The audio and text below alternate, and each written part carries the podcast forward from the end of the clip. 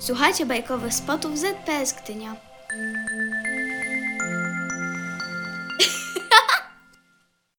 Skumaj pomoc. Praca zbiorowa spod login pod opieką Kamili Szacoń. Nie tak dawno temu istniały sobie dwie żabie wyspy, które dzieliło ponad 500 baobabich drzew. Na pierwszej wyspie żabki miały barwę żółtą, niczym blask słońca. Dlatego nazywało się Słoneczne.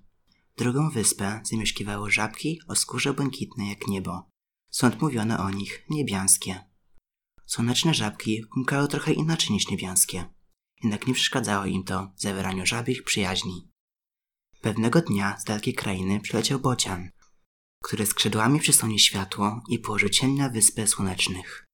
Żółte żabki bardzo przestraszyły się bociana, gdyż był potężniejszy od nich. Najważniejsza z tłumu zapytała. Kum, kum, dlaczego bocianie przyleciałeś i powodujesz szarość na naszej wyspie? Kle, kle, chcę, by ta wyspa była moja, a wy macie być mi poddani. Ale to nasz dom. Żyjemy tu i wychowujemy się od kijanki. Nic mnie to nie obchodzi, chcę mieć tę wyspę i już. Nie oddamy ci jej. Nie możesz tak postępować. Znerwowany bocian na te słowa zaczął tak mocno machać skrzydłami, aż powstała ogromna wichura niszcząca okolice. Umały się drzewa, wylewały rzeczki. Biedne żabki wielkim popochu uciekały przed gniewem wielkiego ptaka. Przechadzająca się na skraju wyspy ropucha wydmuszka z przerażeniem spoglądała na sytuację. Bardzo chciała pomóc słonecznym żabkom, ale musiała obmyślać plan. Tymczasem niebiańscy spoglądali na drzewa graniczące z wyspą. Ogromne konary drzew przechylały się z lewej strony na prawą. Umały się gałęzie. Kum, kum, coś się dzieje złego u słonecznych. Powiedziała niebieska żabka. Trzeba im pomóc. Chodźmy na skraj lasu. Krzyknęła druga. Niebiańskie ruszyły ze wsparciem dla słonecznych, lecz na drodze stanęła im ropucha wydmuszka. Kochane niebiańskie, musimy wydostać słoneczne z ich wyspy, bo zły bocian niszczy wszystko, co napotka. To co mamy zrobić? Ropucha szybko zaproponowała zbudowanie huśtawki, która przyniesie żabki wraz z ich kiankami na drugą stronę.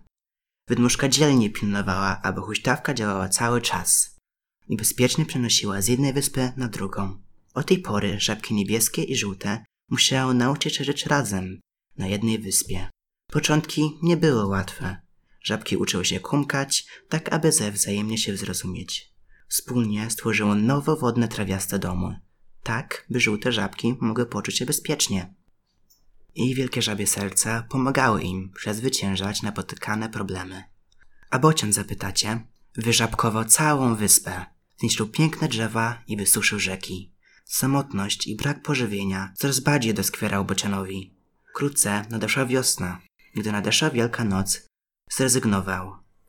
Bocian opuścił Wyspę Słonecznych.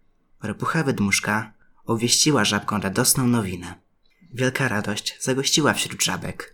Z tej okazji niebiańskie i słoneczne przygotowały wiosenne przyjęcie, na którym nie zabrakło leśnych smakołyków. Wydmuszka stanęła na ogromnym uchomorze i krzyknęła. Wesołego Aleluja!